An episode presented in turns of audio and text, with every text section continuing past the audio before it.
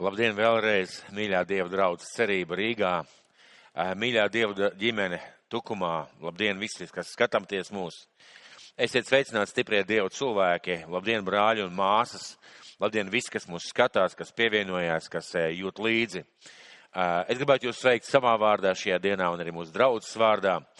Šodien ir atkal ir īpašs dievkalpojums, kurš izņēmuma kārtā notiek, be, notiek bez apmeklētājiem, bez cilvēkiem.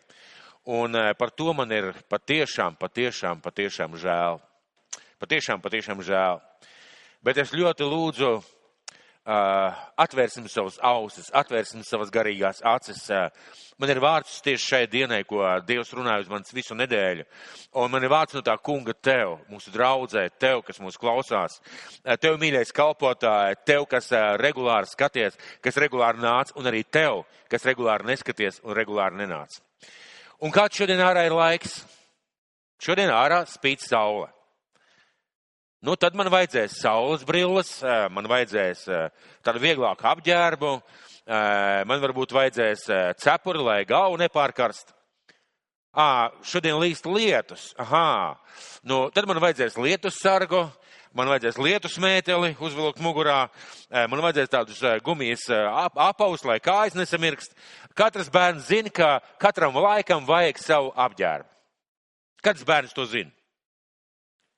Un katram laikam, kurā mēs dzīvojam, katriem apstākļiem, kuros mēs esam, ir vajadzīgs vārds no Dieva. Un Dievs nekad nav ieplānojis un paredzējis, ka mēs dzīvosim tikai no Dieva vārda, kā tā, ko man šodien palasīt, aha, izlasīju, atliktās rindiņas, slavu Dievu un paldies Dievam, viss ir kārtībā. Nē, Dievs ir paredzējis, ka mēs dzīvosim no viņa vārda, tam laikam, tai situācijai, tai vajadzībai, kurā mēs esam. Un ja es teicu, ka cilvēks nedzīvo no maizes vien, bet no katra vārda, kas nāk no Dieva. Cilvēks arī šodien nedzīvo no tā, ka viņš ir paēdis, ka viņš ir siltumā, ka viņš pēc savā, viens pats savā istabā ar masku iet uz veikalu. Cilvēks nedzīvo no tā vien. Cilvēks dzīvo un viņš ir aicināts, un viņam ir iespēja dzīvot no tā vārda, ko Dievs viņam tajā dienā, tajā reizē un tajā laikā dod. Un es ticu, ka šis vārds ir tieši šai svētdienai priekš mums visiem. Kāpēc? Jo Dievs ir dzīvs. Dievs ir dzīves un viņš vēlās runāt. Un viņš vēlās, lai mēs dzirdam. Mēs esam dzīvi, mums ir savas vajadzības, mums ir savi izaicinājumi un, un mums vajag, lai Dievs uz mums runā. Lai viņš mums saka vārdus, kas mums vajadzīgi šai dienai. Ne rītdienai, ne parītdienai vai pagātnē, bet tā, to šai dienai. Un uh, mums ir tāda lūkšana, kurā ir tādi vārdi, tavs prāts, lai notiek kā debesīs, tā arī uz zemes kāds ir tā kunga prāts šim laikam. Kad apkārt ir šī slimība, kad vīrus plosās, kad cilvēki saslims, kad daudz ko nedrīkst. Kāds ir tā kunga prāts, kad šis vīrus, ja tā varētu teikt, visu apkārt noplicina mūsu zemi, mūsu ticību, mūsu draudzes, mūsu kalpošanu? Kāds ir tā kunga prāts šim laikam, kad notiek šīs visas lietas? Es tev uzdevu jautājumu. Es tev uzdevu godīgi jautājumu klausoties kādos kalpotājos, klausoties kādos notikumos, es uzdevu sev jautājumu, vai lai mēs šajā laikā sēžam ierakumos, vai lai nogaidām, vai lai aizliekam, vai lai baidamies, vai lai baidamies, ka, ka tik kas nenotiek, un skatāmies, kā ienaidnieks lēnām noplicina mūsu zemi. Daudz domā, gan jau būs labi, paies šis covid, paies šis vīrus, paies šie aizliegumi, gan jau būs labi. Tie ir meli. Tie ir meli, nekas nebūs labi, ja mēs tagad neko nedarīsim. Mīļie, nekas nebūs labi vienkārši tāpat, viss nebeigsies, viss neapstāsies, jo šis vīrus ir atnācis ar kādu zināmu iespēju, zinām iespēju iespējot mūsu dzīvi nākotnē. Un, ziniet, pēc šī laika mēs nebūsim vairs tādi, kādi mēs bijām. Man gribētos domāt stiprāk, drošāk, varošāk, ja mēs tagad sēdēsim ierakumos, ja mēs tagad neko nedarīsim, ja mēs tagad vienkārši atslābināsimies, jo nav iespējas, nav varēšanas, nav vēl kaut kā, nekas nebūs labi. Jūs ziniet, tikai nezāles pašas par sevi aug. Labas lietas ir jā, jāstāda, labas lietas par labām lietām jārūpējās, jāgādā un jādomā par to, kā viņas izaudzēt. Jo kas notiek šobrīd? Kas notiek šobrīd? Mēs zinām, kā tad, kad tu atnāc uz dievkalpojumu klātienē, tu esi šeit šajā vietā, mācītājs tev redz, brāļi, māsas tev redz, cilvēki tev redz. Tā tāda zinām, kā atnākšana sabiedrībā, dievkalpojumā, un mēs it kā esam viens, viens ar otru kopā, mēs burzamies, redzam viens otru. Tagad tu esi mājās. Un tikai tava izvēle ir ieslēgt pogu vai neieslēgt pogu. Un, ja mēs skatāmies uz statistiku draudzēs, ļoti daudz cilvēki pavasarī ir iemācījušies izdarīt izvēli. Svētdiena, mm, gribētos atpūsties. Svētdiena, nu, vakarā noskatīšos. Un neieslēdz, un regulāri neskatās. Uh, lūkšana vajadzības. Mums šajā laikā nav iespēja lūgt tik daudz vienam par otru, kā varbūt pirms tam bija iespēja. Varbūt nav iespēja uzrakstīt šīs lūkšanas zīmītes, jo mēs neesam šeit. Sakiet, kā var darboties svētā gara dāvanas, kuras Dievs ir paredzējis draudzēji, lai kalpotu draudzē cilvēkiem, caur draudz cilvēkiem, ja tu sēdi mājās. Ja tu sēdi mājās un visu, ko tu izdari, tu izēji uz darbu vai aizēji aizēj uz veikalu un sēdi mājās, kā var svētā gara dar, dāvanas darboties un kā var kopt sadraudzību? Kā šo kopt satraudzību, jo mēs zinām, ka arī šajā vasarā mums bija draudzes diena, kur bija daudz mazāk apmeklēta nekā pagājušajā gadā. Jūs zināt, kāpēc? Pavasarī, kad nevarēja nākt uz dievkalpojumiem, mēs iemācījāmies izdarīt izvēli. Skatīšos tagad dievkalpojumu, vai skatīšos vakarā, varbūt vispār neskatīšos. Vai braucot uz darbu, ieslēgšu tāds starp citu. Mēs iemācījāmies, ka mēs nevaram būt kopā, un kad atnāca vasara, un kad bija šī iespēja, daudz no mums pakasīja pakaus un teica, hmm, īsti tā kā negribās, īsti tā kā nebūtu vēlēšanās. Tas nozīmē, ka arī sadraudzība, jeb šīs te ļoti svarīgo lietu, draudzes cilvēkiem, kristiešiem būt kopā, šobrīd mēs nevaram aktualizēt, un mēs nevaram to darīt. Tas nozīmē, mīļie, ja mēs šajā laikā neko nedarīsim, nekas nebūs labi. Jo vēlams nāk ar šo covidu, Dievs pieļāva šo ko, bet vēlns nāk un darbojās. Un viņš mēģina mums iestāstīt, viss ir labi. Atslābinies, nomierinies, tu šajā laikā neko nevar darīt. Bet kāds ir tā kunga prāts? Kāds ir tā kunga prāts šim laikam? Es ticu, ka tas nav tā kunga prāts šim laikam. Jo mēs esam aicināti visiem laikiem un visādiem laikiem iziet cauri kā uzvarētāji. Mēs esam aicināti visiem laikiem un visādiem laikiem iziet kā cilvēki, kas pieaug spēkā, kas pieaug savā gudrībā, savā svaidījumā, kas pieaug izturībā, kas pieaug mīlestībā un kas pieaug ticībā. Dievs nekad nav pateicis, būs tādi īpašie laiki, kuros jūs vienkārši sēžat mājās, paliekat mierā, jo apstākļi tādi ir. Nekad nav bijuši tādi laiki, nekad nebūs. Dievs vienmēr grib. Mums ir cauri kā uzvarētājs. Un sakiet, kad mūsu ticība visvairāk aug? Tad, kad mēs sēžam divānā, ir cilvēki, kas tā iedomājās, mana ticība aug, jo es uh, pavadu varbūt laiku vairāk ar Dievu vārdu, es lasu, es pārdomāju, lieliski un brīnišķīgi. Bet kad mūsu ticība visvairāk aug? Tad, kad mēs tiekam izaicināti kad mums ir kādi izaicinājumi, kad mums ir kādas grūtības, kad mēs liekam savu ticību lietā, lai pārvarētu pretspēku vai uh, pretsvaru. Un uh, kad mūsu ticība tiek pārbaudīta, tad mūsu ticība, mūsu paļaušanās, mūsu sekošana Kristum tieši tad visvairāk aug. Un eh, šim laikam mums ikvienam, ikvienam, ikvienam, ikvienam ir jāiziet cauri kā uzvarētājiem, kas cīnījās. Tāpēc es šodien gribētu runāt par cīņu. Es gribētu runāt par šo te, eh, par cīnītājiem un par cīņu, jo bez cīņas nav uzvaras. Mīļie, bez cīņas nav uzvaras. Un neiet runa par to, ka mums jācīnās vienkārši cīņas pēc. Nē. Šis laiks nepaies vienkārši tāpat. Šis laiks nebeigsies vienkārši tāpat. Ļoti iespējams būs vēl grūtākas dienas, un ko mēs darīsim tagad, tas veidos mūsu nākotni. Un vārds, ar kuru šodien vēlētos dalīsiet, dalīties, sauksies nebīties, bet cīnīties un iet pa ūdens virsmu. Tātad nebīties, bet cīnīties un iet pa ūdens virsmu. Un tic tas kungs, Jēzus Kristus, Svētais gars, devu šo vārdu tieši šai svētdienai, tieši šai dienai, tieši tev, kas varbūt stāv kādu savu izvēļu priekšā. Mēs šajā nedēļā nosvinējām Latvijas valsts 102. dzimšanas dienu. Un brīnišķīgi un fantastiski, ka mums ir sava zeme, Mums ir savs valstiskums, savu valoda, savu kultūra, sava himna, savs karoks, savu brīvību un pats galvenais, ka mums ir sava nākotne.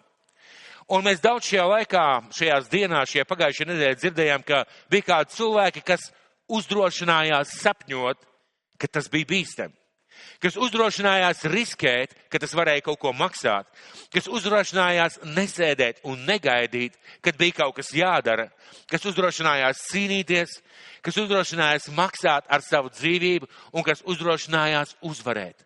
Cilvēki bija, kas uzdrošinājās uzvarīt, uzvarēt, un mēs šodien visi baudījām šajā pagājušajā nedēļā un šodien baudam viņu kalpošanas un viņu cīņu augļus. Es 18. novembrī noskatījos filmu Rīgas sargi. Un ziniet, kāda man bija sajūta? Precīzi par šo laiku. Jā, nebija vācu bumvedēji. Jā, nebija jālauž krastmalā ierakumi. Jā, nav jāiet pār dzelzceļa tiltam uzbrukumā, bet laiks, manuprāt, precīzi tāds pats. Un es jums tiešām iesaku noskatīties šo filmu un pārdomāt. Tā bija filma par laikiem, kad tika izcīnīta šī izšķirīšošā kauja šeit pie Rīgas par mūsu valsts nākotni. Un šajā filmā tādā patiesā gaisotnē e, tiek parādīta cilvēku personīgā rīcība un personīgā izvēle. Ticēt un uzdrošināties cīnīties vai pakļauties apstākļiem, samierināties ar to, ka ļoti iespējams tiks zaudēta Latvijas brīvība, tiks izsapņot šis sapnis, un varbūt tas ir vienkārši sapnis bijis, un vienkārši ļausim tam visam aiziet. Un vieni teica, ka neiznāks. Labāk pacietīsimies, nogaidīsim, ja nu kaut kas sanāk, varbūt, ka tomēr kaut kā, jo ko tad mēs varam? Un šajā filmā, šajos patiesajos notikumos ir attēlots, ka bija cilvēki, kas teica, mēs ticām, ka mēs varam. Tāpēc iesim, darīsim, uzdrošināsimies, cīnēsimies un ticēsim savai uzvarai. Un vieni palika savos posteņos, savā ierakumā, savā mazajā dzīvītē, savā personīgajās ambīcijās un interesēs. Otra gāja, cīnījās, jā, krita, bet uzvarēja. Uzmaniet, kā uzvaru mēs šodien svinam. To cilvēku, kas palika ierakumos, To cilvēku, kas, um, kas um, aizbrauc no Rīgas, to cilvēku, kas noslēpās, vai to cilvēku uzvaru mēs svinam, kas cīnījās un uzvarēja, kas izcīnīja šo brīvību. Noskatieties šo filmu. Manuprāt, precīzi par šo laiku. Ko svētais gars, ko mūsu kungs Jēzus Kristus caur Bībeli, caur Dievu vārdu mums šodien saka par mūsu rīcību šajā laikā par mūsu atbildību šajā laikā un par mūsu aicinājumu un izaicinājumu šajā laikā. Es šodien gribētu runāt par diviem cilvēkiem, par diviem vīriem, par Gideonu un Pēteru.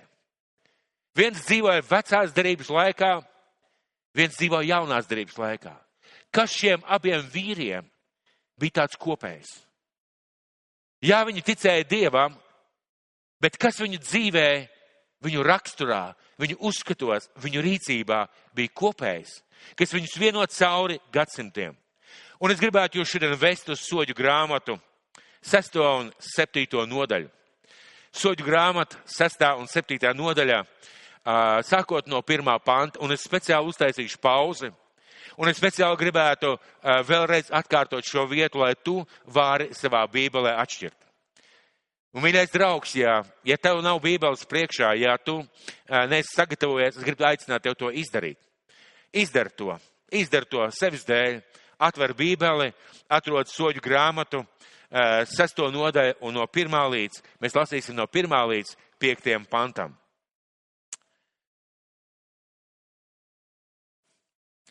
Vai tu esi gatavs? Lieliski lasīsim kopā. Kad Izraēla bērni atkal darīja, kas bija ļauns tā kunga acīs, tad tas kungs tos nodeva midiāniešu rokās septiņus gadus. Kad midiāna rokas smagi gulēja uz Izraēlu, tad Izraēla bērni, lai aizstāvētos pret midiānu, sev taisīja patvērtnes kalnos un alas klintīs un nocietinājumus kalnu virsotnēs. Jo tikko Izraēls bija iesējis, kā jau tūdaļ nāca midiāna ļaudis un Amaleks un arī austrumvīri, lai karot ar viņiem. Un tie uzcēla visapkārt viņiem savas teltis, nopostīja zemes ražu līdz, līdz pat gazas pievārtēji, un tie neatstāja nemaz pārtikas Izrēlā. Arī ne sīklops, ne zvēršus, ne ēzeļus. Jo tie mēdz nākt ar saviem ganām pulk, ganāmiem pulkiem un ar savām teltīm, nākdami tik lielos baros kā sisēņi, ka nedz viņus pašus, nedz viņu kamieļus nevarēja saskaitīt. Viņi nāca ar noteiktu nolūku zemi galīgi izpostīt. Šie cilvēki, šie karaspēki, šie pretinieki nāca ar konkrētu mērķi - šo zemi galīgi nopostīt un noplicināt. Tas bija viņu mērķis. Viņi nāca, karoja, viņi noplicināja, viņi nopostīja visu, viņi visu nodedzināja, varētu teikt, nomīdīja visu, visu, lai Izraels nevarētu izdzīvot, lai Izraēlēm būtu problēmas. Kas šodien notiek Latvijā? Kas šodien notiek Latvijā draudzēs? Šis vīrus mīļā, viņš grib noplicināt, noplicināt draudz. Viņš grib uh, izpostīt, viņš vēlās aizmedzināt. Viņš vēlās aizbudzināt un izpostīt draudz kādā veidā. Likt būt bailīgiem. Lai citi dara manā vietā. Likt būt piesardzīgiem, labāk es nē, labāk ne es. Atstāt pamest savu kalpošanu, atstāt, atmetāt savu aicinājumu. Un uh, ieslēgties tādā garīgā ierakumā, es ar savu Dievu Es sev mājās, es ar savu Dievu. Bet, ziniet, Jēzus, kurš bija Dieva dēls, viņš nāca uz šo zemi. Un tajos apstākļos, kuros viņš dzīvoja, viņš neslēpās ierakumos. Viņš nepulcināja slepenu sapulci savās mājās. Viņš gāja, viņš stāstīja cilvēkiem evaņģēliju. Un pat tad, kad viņi sagūstīja un kad viņi arestēja, viņš neslēpās, viņš netaisnojās. Tas nozīmē, ka mums šajā dienā, šajā laikā ir jāpadomā, vai tas ir tas, ko tas kungs grib. Jo Vīrus ir nācis nevis vienkārši cilvēkus saslimdināt, nevis vienkārši nodarīt cilvēkiem pāri tikai. Vīrus nāca ar tādu konkrētu mērķi noplicināt, nopostīt, aizmidzināt, aiz, aiziet muti, ja tā varētu teikt. Vai Dievs grib, lai mēs ar to samierinamies? Vai tāds ir Jēzus prāts? Kāds teiks, Jāna, bet ko mēs varam darīt? Parunāsim par to. Vai tāds ir Dieva prāts, lai mēs ar to samierinamies? Vai tā vēlās svētais gars manā un tavā dzīvē? Vai tas tas, ko vēlās svētais gars? Un es ticu, ka Dievs meklē šodien kādus vīrus un sievas, kas nepiekrīt iekšēji. Nevis nepiekrīt maskām, nevis nepiekrīt šiem aizliegumiem, bet nepiekrīt tam, ko vīrus vēlās izdarīt iekšēji kas nav ar to mierā iekšēji, kas nav samierinājušies iekšēji, lai šo viņu iekšējo eh, nesamierināšanos, šo iekšējo svēto neapmierinātību, šo iekšējo uguni, šo iekšējo spēku pārvērstu par rīcību uz āru. Pārvērstu par rīcību uz āru. Kādi šiem cilvēkiem Izrēlā bija apstākļi? Viņi slēpās alās, viņi, viņi slēpa savu labību, viņi bēguļoja kalnos, viņi bija tiešām noplicināti, pavārdzināti, jo šis nolūks bija ienaidniekam noplicināt un izpostīt. Kā tagad ir? Arī tagad, mīļie draugi, šis vīrus nav nācis, tā kā es teicu, vienkārši tāpat. Arī tā ir tagad šeit Latvijā. Noplicināt, nopostīt un aizmedzināt. Un es gribētu tālāk doties pie 11. panta. Pie 11. panta.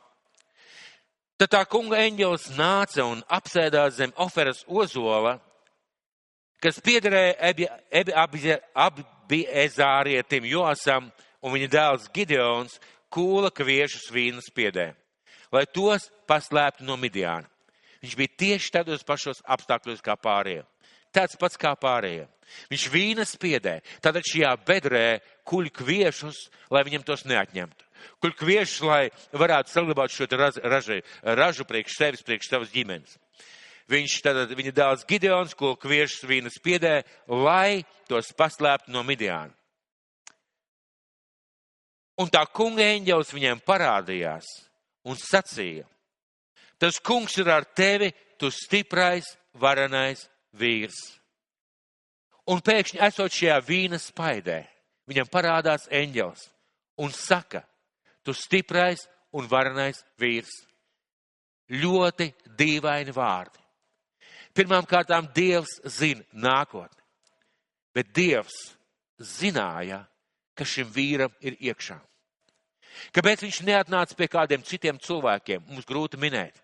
Jā, šis te, šis te vīrs, Gideons, bija no mazākās cilts, no, nabadzīga, no nabadzīgākā nama.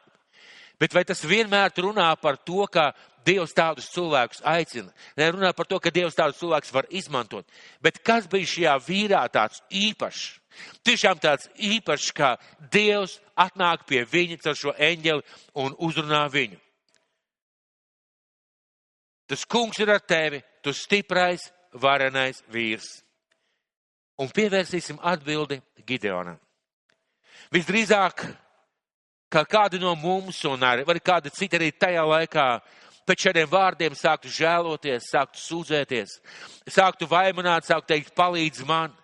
Bet kāda ir Gideona atbilde? Kāpēc viņš tā atbild? Kas ir apslēpts viņa vārdos? Un lūk, skatieties, 13. pants. Bet Gideons viņam sacīja, piedod man, mans kungs. Bet vai tas kungs tiešām ir ar mums? Kāpēc tad mums visas šīs bēdas ir uznākušas? Un kur ir visi tie brīnuma darbi? par kuriem mūsu tēvi ir stāstījuši sacīdami. Tas bija tas kungs, kas mūs ir izvedis no Ēģiptes. Bet tagad tas kungs mūs ir atstāvis un nodevis Midiāna rokās. 13. pāns ir ārkārtīgi, ārkārtīgi svarīgs. Ziniet, kāpēc? Nedaudz panalizēsim šo pantu un šo Gideonu atbildi. Un Gideons saka, piedod man, man kungs, bet vai tas kungs tiešām ir ar mums? Pirmām kārtām viņš runā ar mums, nevis ar mani. Parasti cilvēks savās grūtībās vai problēmās, Dievs man, kas ir ar mani, kāpēc tu mani, kāpēc tu e, mani esi atstājis. Gideons saka, kāpēc tu mūs esi atstājis. Kāpēc tad mums ir visas šīs bēdas uznākušas? Un tagad klausieties, un kur ir visi tie brīnuma darbi, par kuriem mūsu tēvi ir sludinājuši sacīdam. Tas bija tas kungs, kas mūs ir izvedis no Ēģiptes zemes. Kur ir tie brīnuma darbi? Kur ir tie brīnuma darbi? Un ko es šajos vārdos ieraugu? Es ieraugu sāpes. Es ieraugu sāpes par tiem brīnumiem, ka nenotiek šie brīnumi. Es ieraugu šo svēto neapmierinātību. Es ieraugu šo nesamierināšanos, nepiekrišanu šiem apstākļiem, kaut gan šādi apstākļi ir. Un arī šodien ir tādi cilvēki, kas ejot cauri šiem apstākļiem, un ir jābūt tādiem cilvēkiem, un es zinu, ka ir, kas nepiekrīt šiem apstākļiem, kas nevēlas samierināties. Jā, mēs uzliekam maskas, mēs ievērojam distanci, mēs darām visu, lai pasargātu sevi un pasargātu cilvēku, bet iekšēji, bet iekšēji nesamierināties. Kāpēc eņģēlis atnāca pie šī vīra tieši tāpēc, ka viņā iekšā bija šī svētā neapmierinātība. Mēs esam daudz dievkalpojumos runājuši. Tas ir kaut kas tāds, ko cilvēks tikai pats sevi iekšā var izveidot, turēt un dedzināt. Tas, ko es personīgi nevaru noskatīties, tas, ko es personīgi, un zinu arī cilvēki, kas nevar noskatīties kā dievu bērni, kā kalpotāji padodās, ielien ierakumos, kā draudzes garaspēks dilst kā draudz sadraudzība dilst, kā, kā vientulība vairojās, es neesmu ar mieru to pieņemt. Un es neesmu ar mieru vienkārši tajā noskatīties. Un arī Gideoni šie vārdi. Kur ir tie visi brīnum darbi? Runā par to, ka viņam ir šī iekšējā sāpe, šīs ilgas, šī vēlēšanās, šī nepadošanās, šis spīts, kas deg šajā cilvēkā iekšā. Gideons uzdod šo jautājumu. Nevis vai tu man palīdzēsi, vai tu mums palīdzēsi, bet viņš saka, kur ir, es gribu redzēt. Un 14. pāns, kāda ir Dieva reakcija? Dieva debesu un zemes radītāja reakcija šo 14. pāntu. Tad tas kungs pagriezās pret viņu un tam sacīja.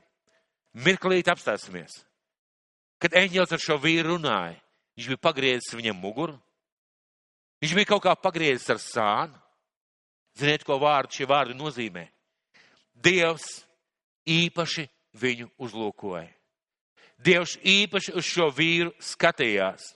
Dievs īpaši šo, uz pievērš šim vīram uzmanību. Ko nozīmē šis skatiens? Ļoti daudz. Šis skatiens nozīmē, tu esi īstais. Tu esi īstais.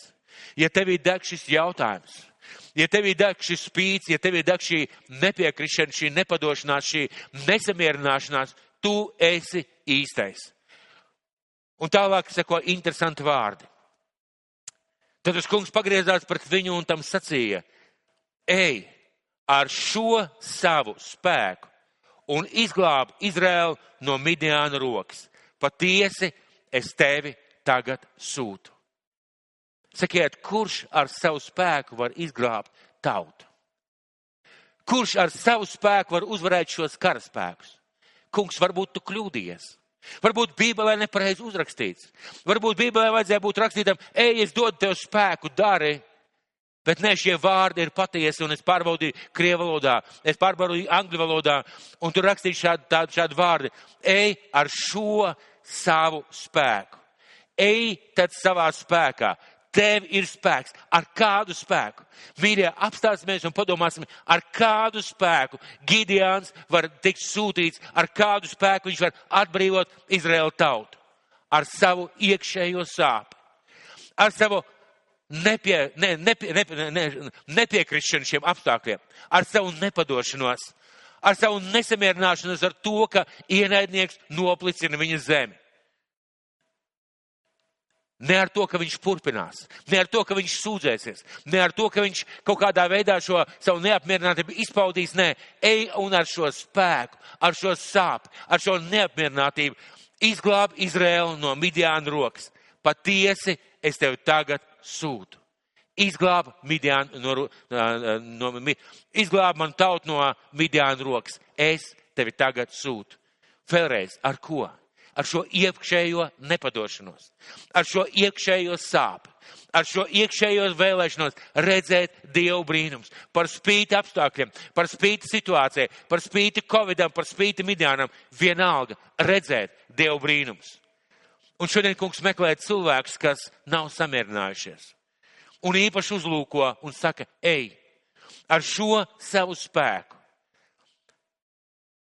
ar šo savu nepadošanos, ej un izglāb savu draugu.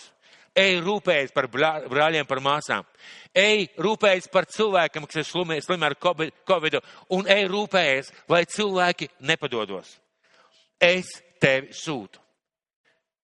Un Kristus šodien saka, es tevi sūta. Ja tev ir šī iekšējā sāpe, ja tev ir šī nesamierināšanās, Dievs noteikti šodien tev saka, ej, es tevi sūtu. Un mēs zinām, ka es nelasīšu tālāk, lai taupītu laiku. Gideons pārbauda, viņš upurē uz šī altāra. Pēc tam ir vēl kāds pārbaudījums, un šis jau ir nopietnāks pārbaudījums.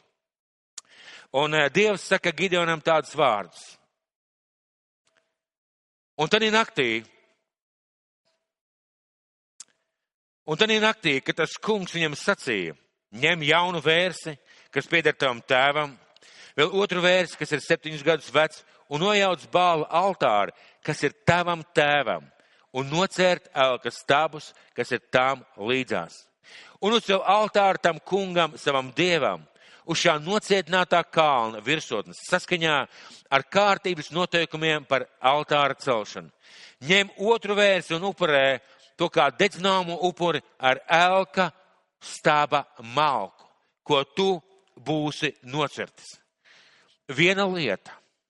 Dievs viņam pasaka, ej un dari. Pirms tu uzvarēsi ienaidnieku. Pirms tu dosies šajā kaujā, tev jātiek vaļā no elkiem. Mīļie, pirms mēs sākam kaut ko darīt, Kad mēs sākam kaut ko darīt šajā laikā, domāt, lūgt un kaut kādā veidā lausties cauri, mums ir jātiek galā ar elkiem.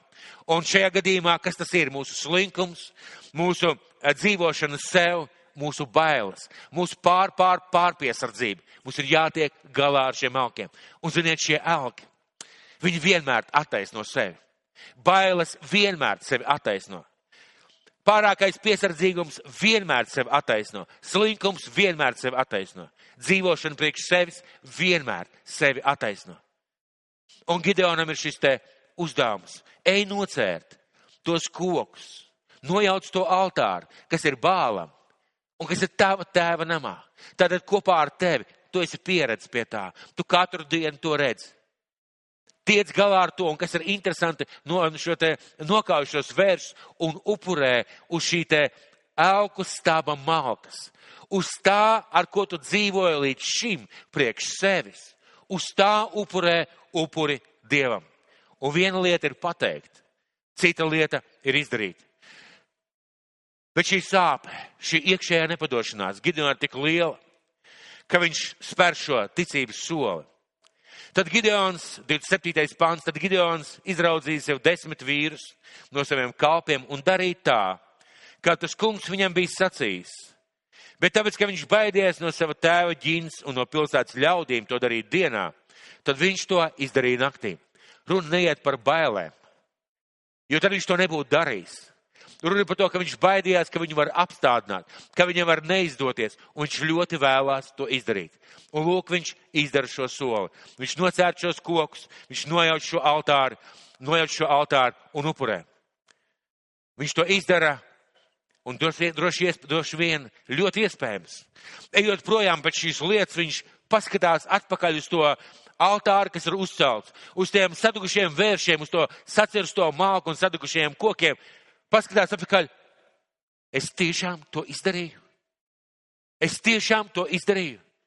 Es tiešām to izdarīju tam kungam. Un pārlieksim uz septīto nodaļu, uz pirmo, trešo pantu. Mēs zinām, ka Gideons sasauc karapulks, daudz karapulks, tūkstošus.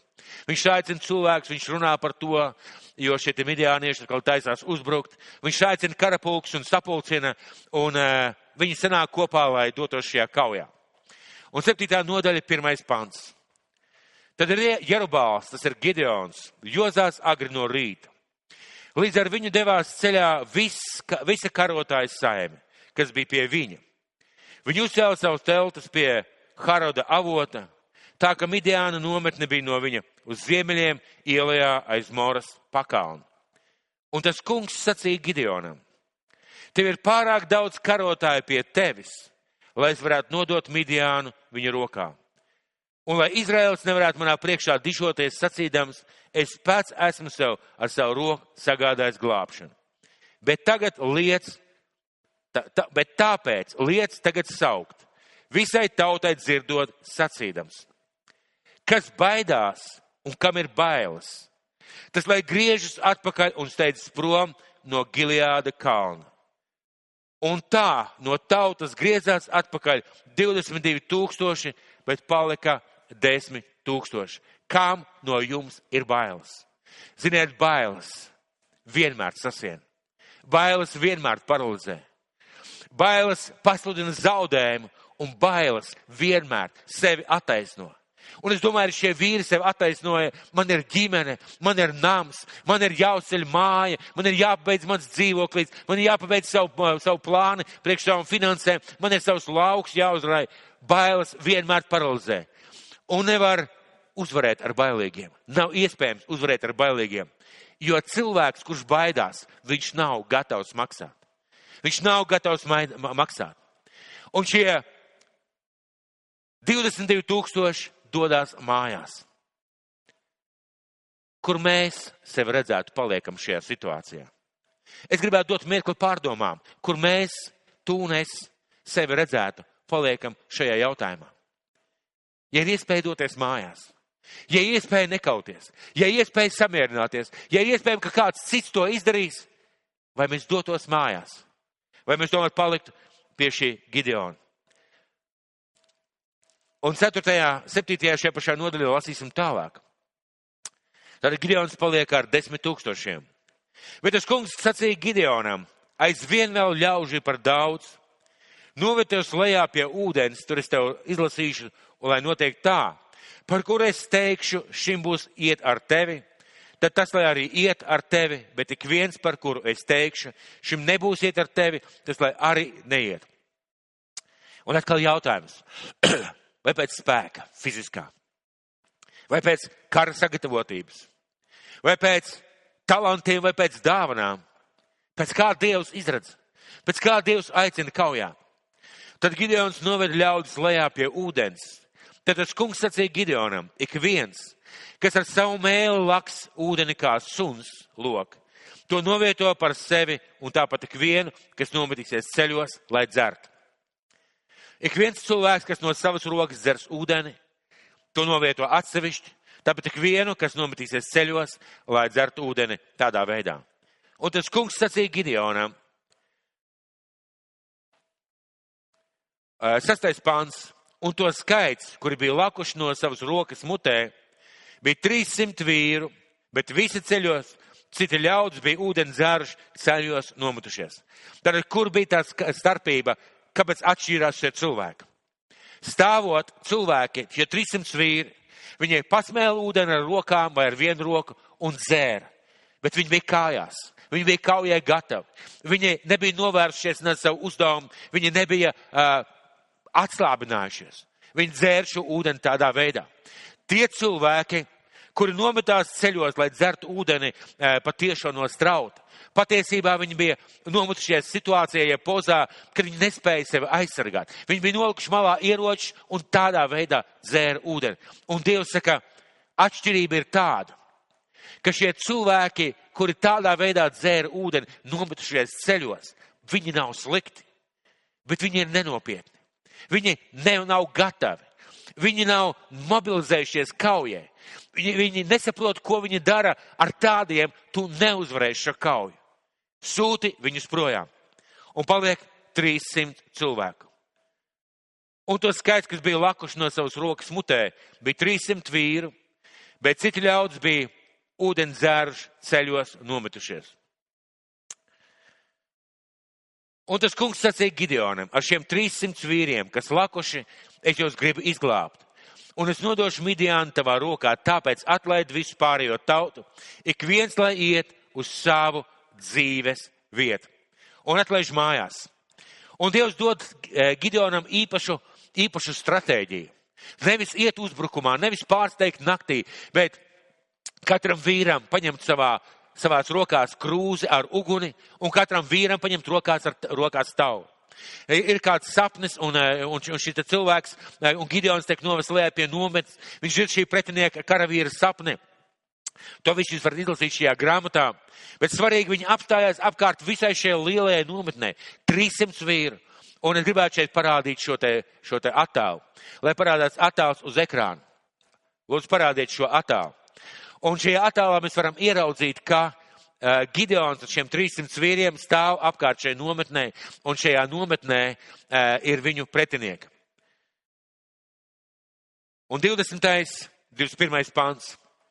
Tā 300 izlasītu vīru būtu tauris un sadaudīt rauks, pie kam savā kreisajā rokā viņi stingri turēja lāpas un savā labajā rokā tauris, lai pūstu un kliektu tam kungam un Gideona zobenam.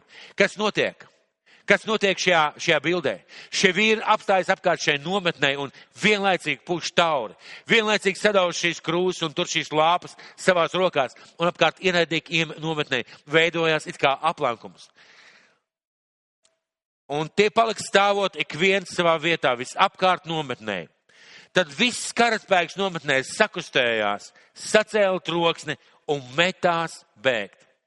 Jo, ka tie 300 vīri būtu tauris, tad pats tas kungs vērsa viena zobana pret otru zobanu pa visu nometni, un tie bēga līdz Betha sitai un Cereras pusē, līdz Abel Mehalas krastmalai pie tabatas.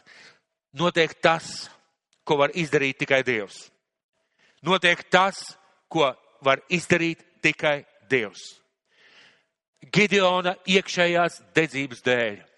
Šo 300 vīru ne varonības, ne karaspē, kara mākslas, bet arī šo 300 vīru gatavības iet šajā kaujā, nesamierināties, nepadoties dēļ, šis karaspēks, ienaidnieku karaspēks tiek padzīts, sakauts un iznīcināts. Šie 300 vīri, ko viņi piedzīvoja? Ko piedzīvo šie 300 vīri? Dieva varenību. Dievu varenību caur viņu apņēmību. Dievu klātbūtni, noskatīties, kā lielais karaspēks sakustās, kā metās bēgt, kā savā starpā sāp karot un kā mūk projām. Viņi piedzīvoja cīņas prieku, viņi uzvarēja, piedzīvoja uzvaras garšu un milzīgu gandarījumu, ka viņi bija tie, kur bija varējuši to izdarīt. Tas ir kaut kas varants, kaut kas brīnišķīgs.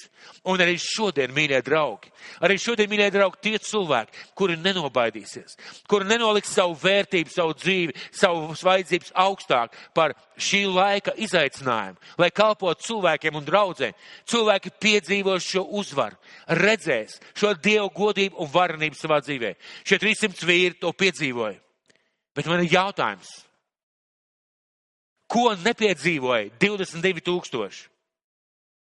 Ko nepiedzīvoja, kas baidījās? Ko nepiedzīvoja 9700, kas nebija gatavi doties kaujā? Neko no tā. Viņi nepiedzīvoja neko no tā. Un pats galvenais, viņi nepiedzīvoja dievu varenību un godību savā dzīvē. Viņi nepiedzīvoja, kā caur, iekš, caur viņu iekšējo uguni Dievs kaut ko dara. Viņi nepiedzīvoja, kā, kā Dievs teica Gideonam, ej ar šo savu spēku, ar šo iekšējo sāpi un nesamierināšanos. Tu uzvarēsi ienaidnieku. Šie vīri nepiedzīvoja nekā no tā. Un mēs zinām, ka nākušais 40 gadus valdīja miers. Tas nozīmē to, ka šiem vīriem nekad vairs īsti nebija iespēja to darīt. Jā. Ziniet, kāpēc? Jo šiem daudziem tūkstošiem viņiem nebija sāpes par tautu. Viņi bija labi cilvēki. Viņi bija tautas dēli, bet viņiem nebija šīs iepriekšējās sāpes par tautu.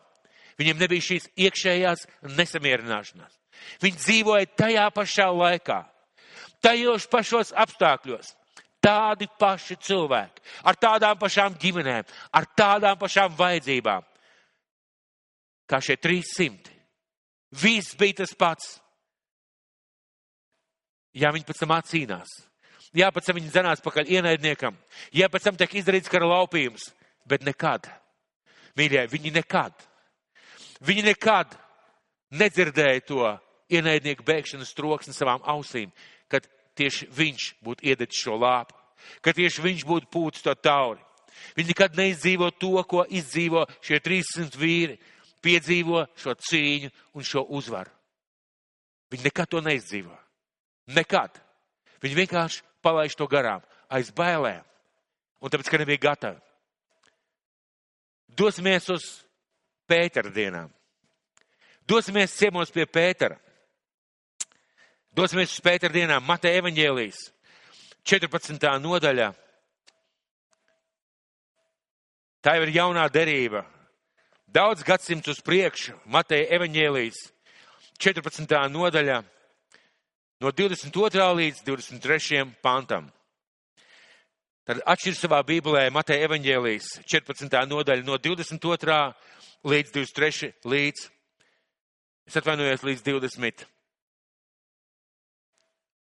Līdz 33. pantam. No 22. līdz 33. pantam.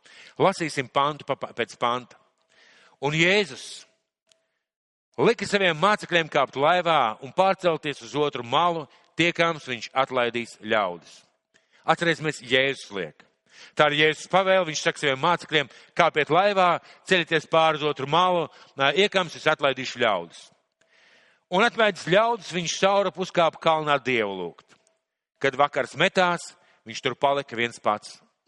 Tas nozīmē, ka kaut kad jau vakara pēc, pēcpusdienā viņš saka saviem, saviem šiem vīriem, 12 mācekļiem, kāpēc laivā brauciet. Pie viņa paliek cilvēki, viņš kalpo šiem cilvēkiem, atlaiž šos cilvēkus, ja viņi negribiet prom, un viens pats uzkāp kalnā un paliek tur visu nakti kalnā Dievu lūdzot. 24. pants, bet laiva bija jūras vidū, Viņi mētāja, to mētāja, jo pūta pretējs vējš. 24. pants ir pretvējš, viņi mētā tieši tāpat kā šodien. Ir pretvējs šodienas moments, šodienas covid. Ir pretvējš, viņi mētā to laiviņu. Jēzus it kā nav tajā laivā un mācekļiem iet grūti. Bet gaiļos Jēzus nāca pie tiem pa jūras virsu staigādams bet gaiļos. Cik ilgi šie vīri bija braukuši? Viņi bija izbraukuši pirms bija vakars, pirms jēzus atlaid šos cilvēkus uzkāpt kalnā. Un tagad ir gaiļos, tas ir starp trījiem un sešiem naktī. Starp trījiem un sešiem naktī jēzus nāk. Un uh, ir pagājis ilgs laiks, jo ir pretvējš, ir liela viļņi, un šie viļņi uh, mētā laivu. Bet gaļos Jēzus nāca pie tiem pa jūras virsu staigādams. Jēzus iet pa jūras virsu. Pa tiem apstākļiem, kuros ir arī mācekļi. Un viņi nenoplok. Jēzus iet pa šo ūdeni. Un ja mēs skatāmies šodien uz šīs dienas situāciju, vai Jēzus tomēr neiet pāri pa šo covid? Vai viņš tomēr nav mūsu vidū un nesteigā pār šiem apstākļiem? Jā, mācekļi šajos apstākļos pūš vējš, ir pretvējš, viņi netiek uz priekšu. Jēzus nāk pie viņiem pa šiem apstākļiem, staigājot un ejot. Un kad mācekļi to redzēja, pa jūras virsmu staigājām, tie izbijās un sacīja, tas ir spoks, un tie brēca aiz bailēm. Es tikai spēju iedomāties, kā, kā, kā mācekļiem izskatījās tas moments, ka nakts laikā, tumšā laikā veļņi, vējš, un pēkšņi tu redzi kādu, kas lēnām tuvojās. Diezgan bija noteikti gaišs drēbes, bija kaut kāda gaisma, jo viņi redzēja, viņi redzēja, viņi tojamies. Vai tā bija mēnesis vai zvaigžņu gaisa, mēs nezinām. Bet ir vējš, ir viļņi, ir pretvējš, viņi cīnās jau daudz stundas, un joprojām es viņu ieraugu, ka kāds viņiem tuvojās. Viņi bēcais, brēcais bailēm, jo domā, ka tas ir spoks. Un svarīgi, ko es tev teicu, ka, ko es jau teicu, ka Jēzus iet pa šiem mirkļiem, pa šiem viļņiem. Kad mācekļi to redzēja, pa jūsu ar staigājumu tie izbijās un savu, sacīja. Tas ir spoks un tie brēca aiz bailēm. Bet ja es tūdaļ tos nomierināju un sacīju, turiet drošu prātu, es tas esmu, nebīstieties. Turiet drošu prātu, es tas esmu, nebīstieties. Ja es šos mīr, vīrus mierinu. Un 28. pants ļoti, ļoti svarīgs pants. 28. pants ļoti, ļoti svarīgs pants. Tad vēlreiz, šie vīri airē. Ir vakars, ir nakts, tā varētu teikt. Viņi airē, viņi ieraug jēzus, tuvojamies, jēzu nākam, ir pretvējuši viļņi, šie vīri nevar īsti pārēt, un viņi redz, ka jēzus nāk. Un viņi ir nobijušies, viņi brēc, viņi ir nu, pārbijušies, un jēzus saka, nebīstieties, es tas esmu. Nebīstieties, es, cik vispār droši tā situācija var būt, ja cik tā situācija ir pilnīgi droša. Acīm redzot, jēzum zem kājām šis ūdens vienkārši saplok vai e, paliek rāms, paliek par cietu virsmu. Mēs grūti pateikt, kā tā veidā tas notika. Un 28. pāns ārkārtīgi svarīgs. Pēters viņam atbildēja un sacīja, kungs, ja tu tas esi, tad liec man nākt pie tevis pa ūdens virsmu. Tāds labāks tūkojums ir, kungs, tā kā tas esi tu, tad liec man nākt pa ūdens virsmu. Lūk, vīrs, lūk, vīrs, ja tu tas esi, ja tā kā tas esi tu, ja tu staigā pa šiem apstākļiem, ja tu spēj iet pāri šim covidam, ja tu spēj iet pāri šiem viļņiem, šiem pretvējiem, šim augstiem un briesmīgiem vētrai, liec man nākt pie tevis. Nevis nobruģē man ceļu, bet liec man nākt pie tevis pa šiem apstākļiem, pa šo situāciju, caur šo situāciju. Liek man nākt pie tevis ar šiem apstākļiem. Un, ziniet, Jēzus nesaka, pagaidi. Pagaidi mirklīt, lai, nor, no, lai, lai, lai, nomierinās viļņi. Jēzus šodien nesaka, pagaidi, paies Covid, tad kaut ko darīsim. Paies šī slimība, paies šī pandēmija, tad gan mēs kaut ko sadarīsim. Tagad liecies mierā. Tāpat Jēzus nenolīdzina ceļu. Jēzus neizdara tā, ka pēkšņi tāda plata un taisna strīpiņa līdz Jēzum vienkārši ciets, ciets ūdens, pa kuru Pēters var iet. Viņš saka vārdus, un viņš tam sacīja, nāc un Pēteris izkāpa no laivas. Vai mums varam palūkt šo bildi šeit uz ekrāna? Jēsaka nāc. Vai mēs varam palūkt bildi uz ekrāna? Un iedomāsimies izkāpšanas mirkli. Es domāju, ka daudz no mums ir braukuši ar laivu.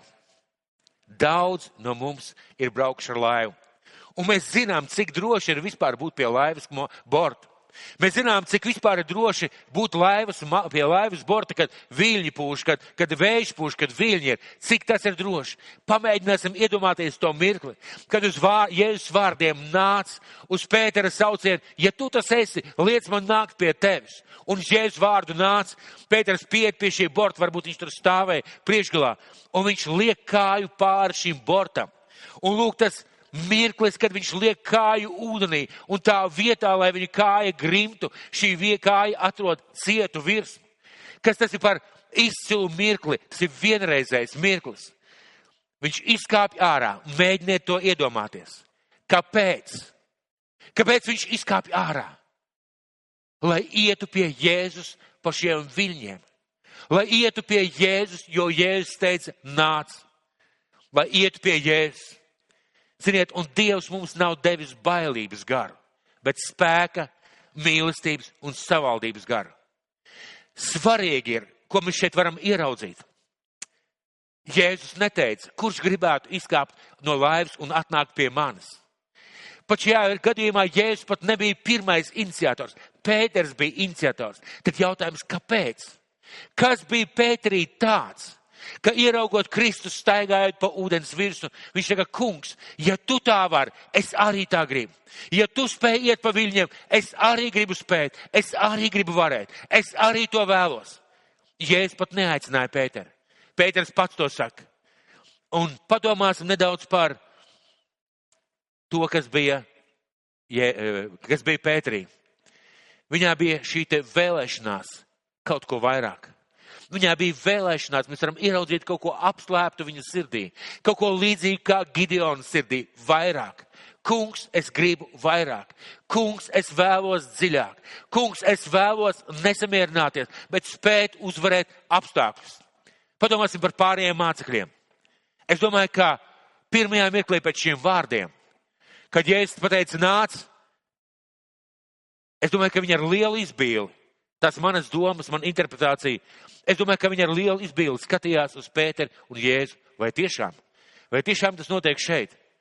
Varbūt viņi skatījās ar šausmām, kā Pēters liek savu kāju pāri ūdenim. Varbūt kāds ar neticību, vai tiešām to es redzu savām acīm. Varbūt kāds grāba aiz rokas un teica, Pēter, apstājies, ko tu dari? Bet Pēters izkāpja. Bet Pēters izkāpja no šīs laivas. Un kā šajā vietā rakstīts, un Pēters izkāpa no laivas un gāja pa ūdens virsu un nāca pie Jēzus. Pēters izkāpa no laivas, iet pa ūdens virsu, pa tiem apstākļiem, pa, pa bangaino ūdeni. Un droši vien šis ūdens pēkšņi zem viņa kājām nomierinās. Viņa ticības un paļāvības spēkā nomierinās, un viņš iet pie Jēzus. Un tas ir tas aicinājums arī šodien mums ikvienam. Un kādā brīdī mēs lasām tālāk. Bet lielu vētru redzēdams, viņš izbijās un sāka grimt bet lielu vētru redzēdams. Viņš skatījās uz Jēzu, kad viņš kāpa ārā no laivas, viņš skatījās uz Jēzu, kad viņš gāja pa šo ūdens virsmu, viņš skatījās uz Jēzu, un vienā mirklī viņš paskatās apkārt, pa labi, pa kreisi un ierauga lielo vētru. Un tad viņš sāk grimt.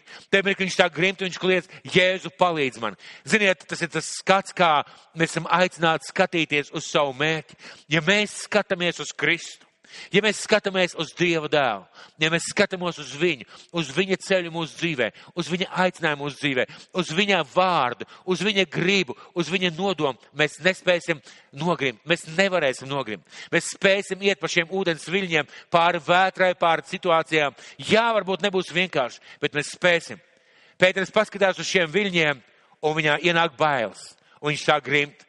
Tas ir līdzīgi kā, kad jūs ejat pa, kā, pa kādu augstu pa kādu, pa kādu ceļu vai pa taciņu vai pa, piemēram, es nezinu, pa kādu baļķi, kas ir zināmā augstumā no, no zemes. Kad jūs skatāties uz priekšu, uz šī baļķa galvu, kad jūs ejat pa šo baļķi, jūs, jūs nekritīsiet. Jūs iesiet taisni, jūs liksiet kārtīgi soļus, jūs nekritīsiet. Līdz ko mēs sākam skatīties uz leju, mums momentāli noreibst galvu un mēs krītam. Līdzīgi arī šajā vietā. Un tad, kad mēs neskatāmies uz Kristu, mēs vienmēr nobīstamies. Tā vienmēr būs. Jo tie apstākļi vienmēr būs briesmīgāki par mūsu spējām. Un viņš saka, kungs palīdz. Un Dievs vienmēr nāk palīgā. Un tu dēļ roku izstieps Jēzus viņu satvēra un viņam sacīja masticīgais, kāpēc tu šaubies? Jēzus satura viņai aiz rokas un saka, masticīgais, kāpēc tu šaubies? Viņš izceļ šo Pēteru ārā Un mēs bieži vien uzsveram šos vārdus masticīgais. Kāpēc tu šaubies? Man ir jautājums. Man ir jautājums jums un man. Uzdosim sev šo jautājumu. Ko viņš teiktu pārējiem? Ko viņš teiktu tiem pārējiem vīriem, kas sēdēja laivā un ar izbrīdu, pārsteigumu, varbūt ar bailēm, varbūt ar kaut kādu uh, satraukumu skatījās uz šiem notikumiem? Ja viņš Pēterim pateica, tu masticīgais, kāpēc tu šaubījies, ko Jēzus pateikt tiem vīriem? Kāpēc jūs nekāpāt ārā? Kāpēc jūs nepamēģinājāt? Tā bija tāda iespēja jūsu dzīvē staigāt pāri pa apstākļiem. Viņš satvērie Pēteri izceļ ārā un viņi abiet uz laivu. Un 32. pants. Un tie abi iekāpa laivā. Vējš nostājās. Un es varu tikai iedomāties to mirkli, kad Pēters kopā ar Jēzu, Jēzus viņi izceļ ārā no šī ūdens, viņi abi iet blakus. Tas ūdens joprojām sastingst viņiem zem kājām. Mācekļi pārējie skatās. Es nezinu, cik tur bija palikuši metri, pieci, divi, desmit. Viņi kopā ar Jēzu iet un iekāpj kā no sausas zemes, iekāpj šajā laivā. Viņi abi divi iet kopā pa šiem apstākļiem. Šodien, pa šo covid, un zem kājām ir jūra, zem kājām ir covid, zem kājām ir šī situācija, kur šobrīd ir pasaulē. Pēters kopā ar šo te vīru, ar Jēzu, iet pa šiem viļņiem, iekāp laivā. Un padomāsim par laivā sēdošo vīru sajūtām. Ko domāja tie vīri, kas bija palikuši laivā? Ko domāja tie cilvēki, kas sēdēja laivā? Droši vien palaidām garām. Mēs taču arī būtu varējuši. Un ļoti iespējams, kāds nodomāja, paldies Dievam, Bet mēs zinām, ka šie vīri beigās kļuva par apstuļiem. Mēs zinām, ka šie vīri atdeva savu dzīvību par Kristu. Mēs zinām, ka šie vīri e, izcīnīja to savus cīņas uzvaru, kur viņiem bija vajadzīgi viņu personīgajā dzīvē. Mēs zinām par šiem vīriem. Kas notiek ar mums? Kad Jēzus saka, nāc pa šiem apstākļiem. Jā, ir vētra, jā, ir pretvējš, bet es tev saku, nāc, ja tu gribēsi, nāc. Kas ir ar mums? Kāpēc Pēters viens pats izkāpa? Es gribētu uzdot jautājumu tev, sev un e, Dievam. Kāpēc viņš viens pats izkāpa? Vai bija viņš viens pats aicināts? Nē, viņš gribēja. Viņā bija kaut kas tāds, iekšā kaut kas tāds, kas liek teikt, sauc, es nākšu. Pēterī bija iekšā kaut kas tāds, kas lika viņam teikt, sauc, es nākšu. Lai kāda ir apstākļa, lai kāda situācija nā, sauc, es nākšu. Es novēlu, lai mums visiem būtu iekšā šīs sauciens. Es novēlu, lai mums visiem būtu iekšā kaut kas tāds. Un es gribētu pajautāt tev, ko piedzīvoja Pēters? Viņš gāja pa ūdeni. Mēs jau vizualizējam, kāds var izskatīties. Viņš piedzīvoja Dievu spēku, viņš piedzīvoja Dievu brīnumu. Ne tad, kad viņš palika laivā, bet tad, kad viņš atsaucās un izkāpa ārā. Vēl es gribētu pajautāt. Un vēl es gribētu pajautāt, ko nepiedzīvoja šie 11 mācekļi. Viņi nekad nepiedzīvoja savā dzīvē staigāšanu pa jūras virsmu. Viņi nekad nepiedzīvoja savā, savā dzīvē to, ka apstākļi zem kājām kļūst cieti, pa kuriem var iet. Viņiem vairs nekad nebija tāds iespējas. Ko nepiedzīvosim mēs, ja mēs šajā laikā aiziesim garīgos ierakumos, ja mēs šajā laikā iekāpsim savās ērtajās tranšajās. Ja mēs šajā laikā iesim atpakaļ savā dzīvē un dzīvosim priekš sevis, baidīsimies, izvairīsimies, būsim uzmanīgi un piesardzīgi. Un vēlreiz es gribētu atkārtot, lai neviens man nepārprot. Es neesmu pret distanci. Es neesmu pret ierobežojumiem dievkalpojumu laikā. Es neesmu pret sešiem aizsargiem. Es neesmu pret to, esmu par to. Bet esmu kategoriski pret šo iekšējo baili, kā tik kas nenotiek.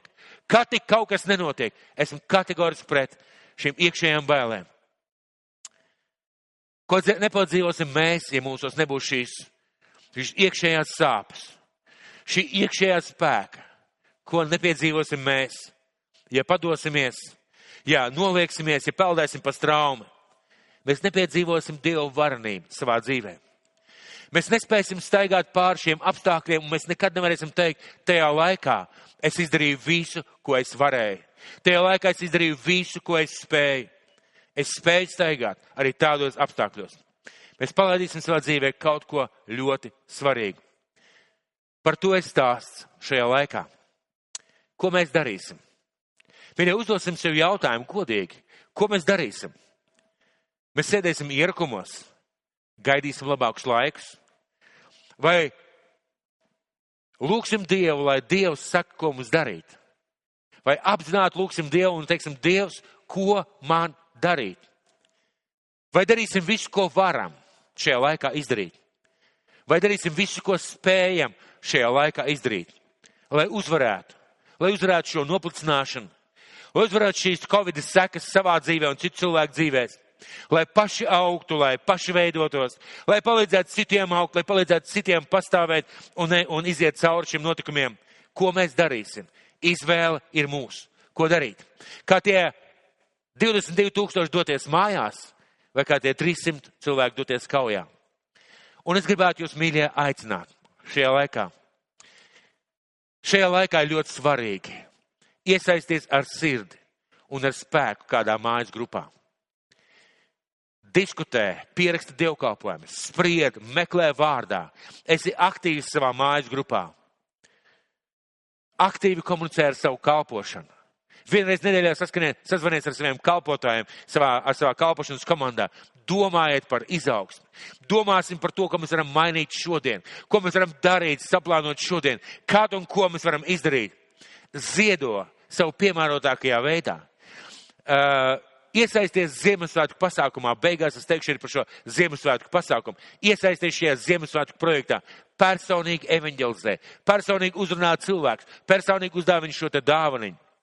Piesakies klātienē, piesakies klātienē uz dievkalpojumu un nesaki, labāk es nebraukšu. Kad tik kas nenotiek, kad tik ceļā es Covid nenoķeru, kad tik transports man neaiztur, kad tik transportā kaut kas nenotiek, nesaki tā. Esi uzmanīgs, bet saki un zvani un pieskaties tie, uh, klātienē uz dievkalpojumiem.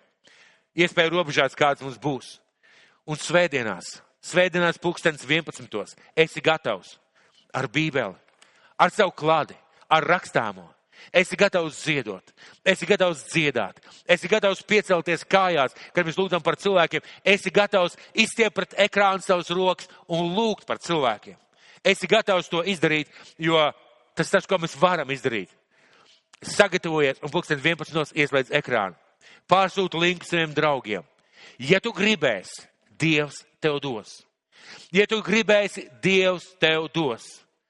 Nesēdēsim ierakumos, bet iesim cīņā un uzvarēsim.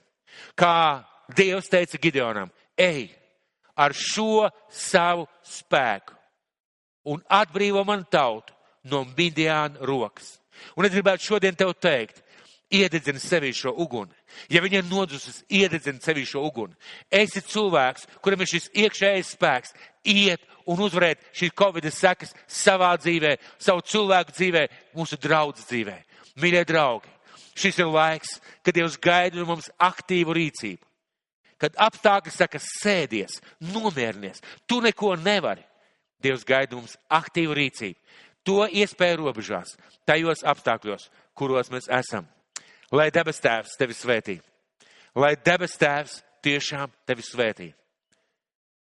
Un es vēlreiz gribētu atkārtot šī vārda nosaukumu.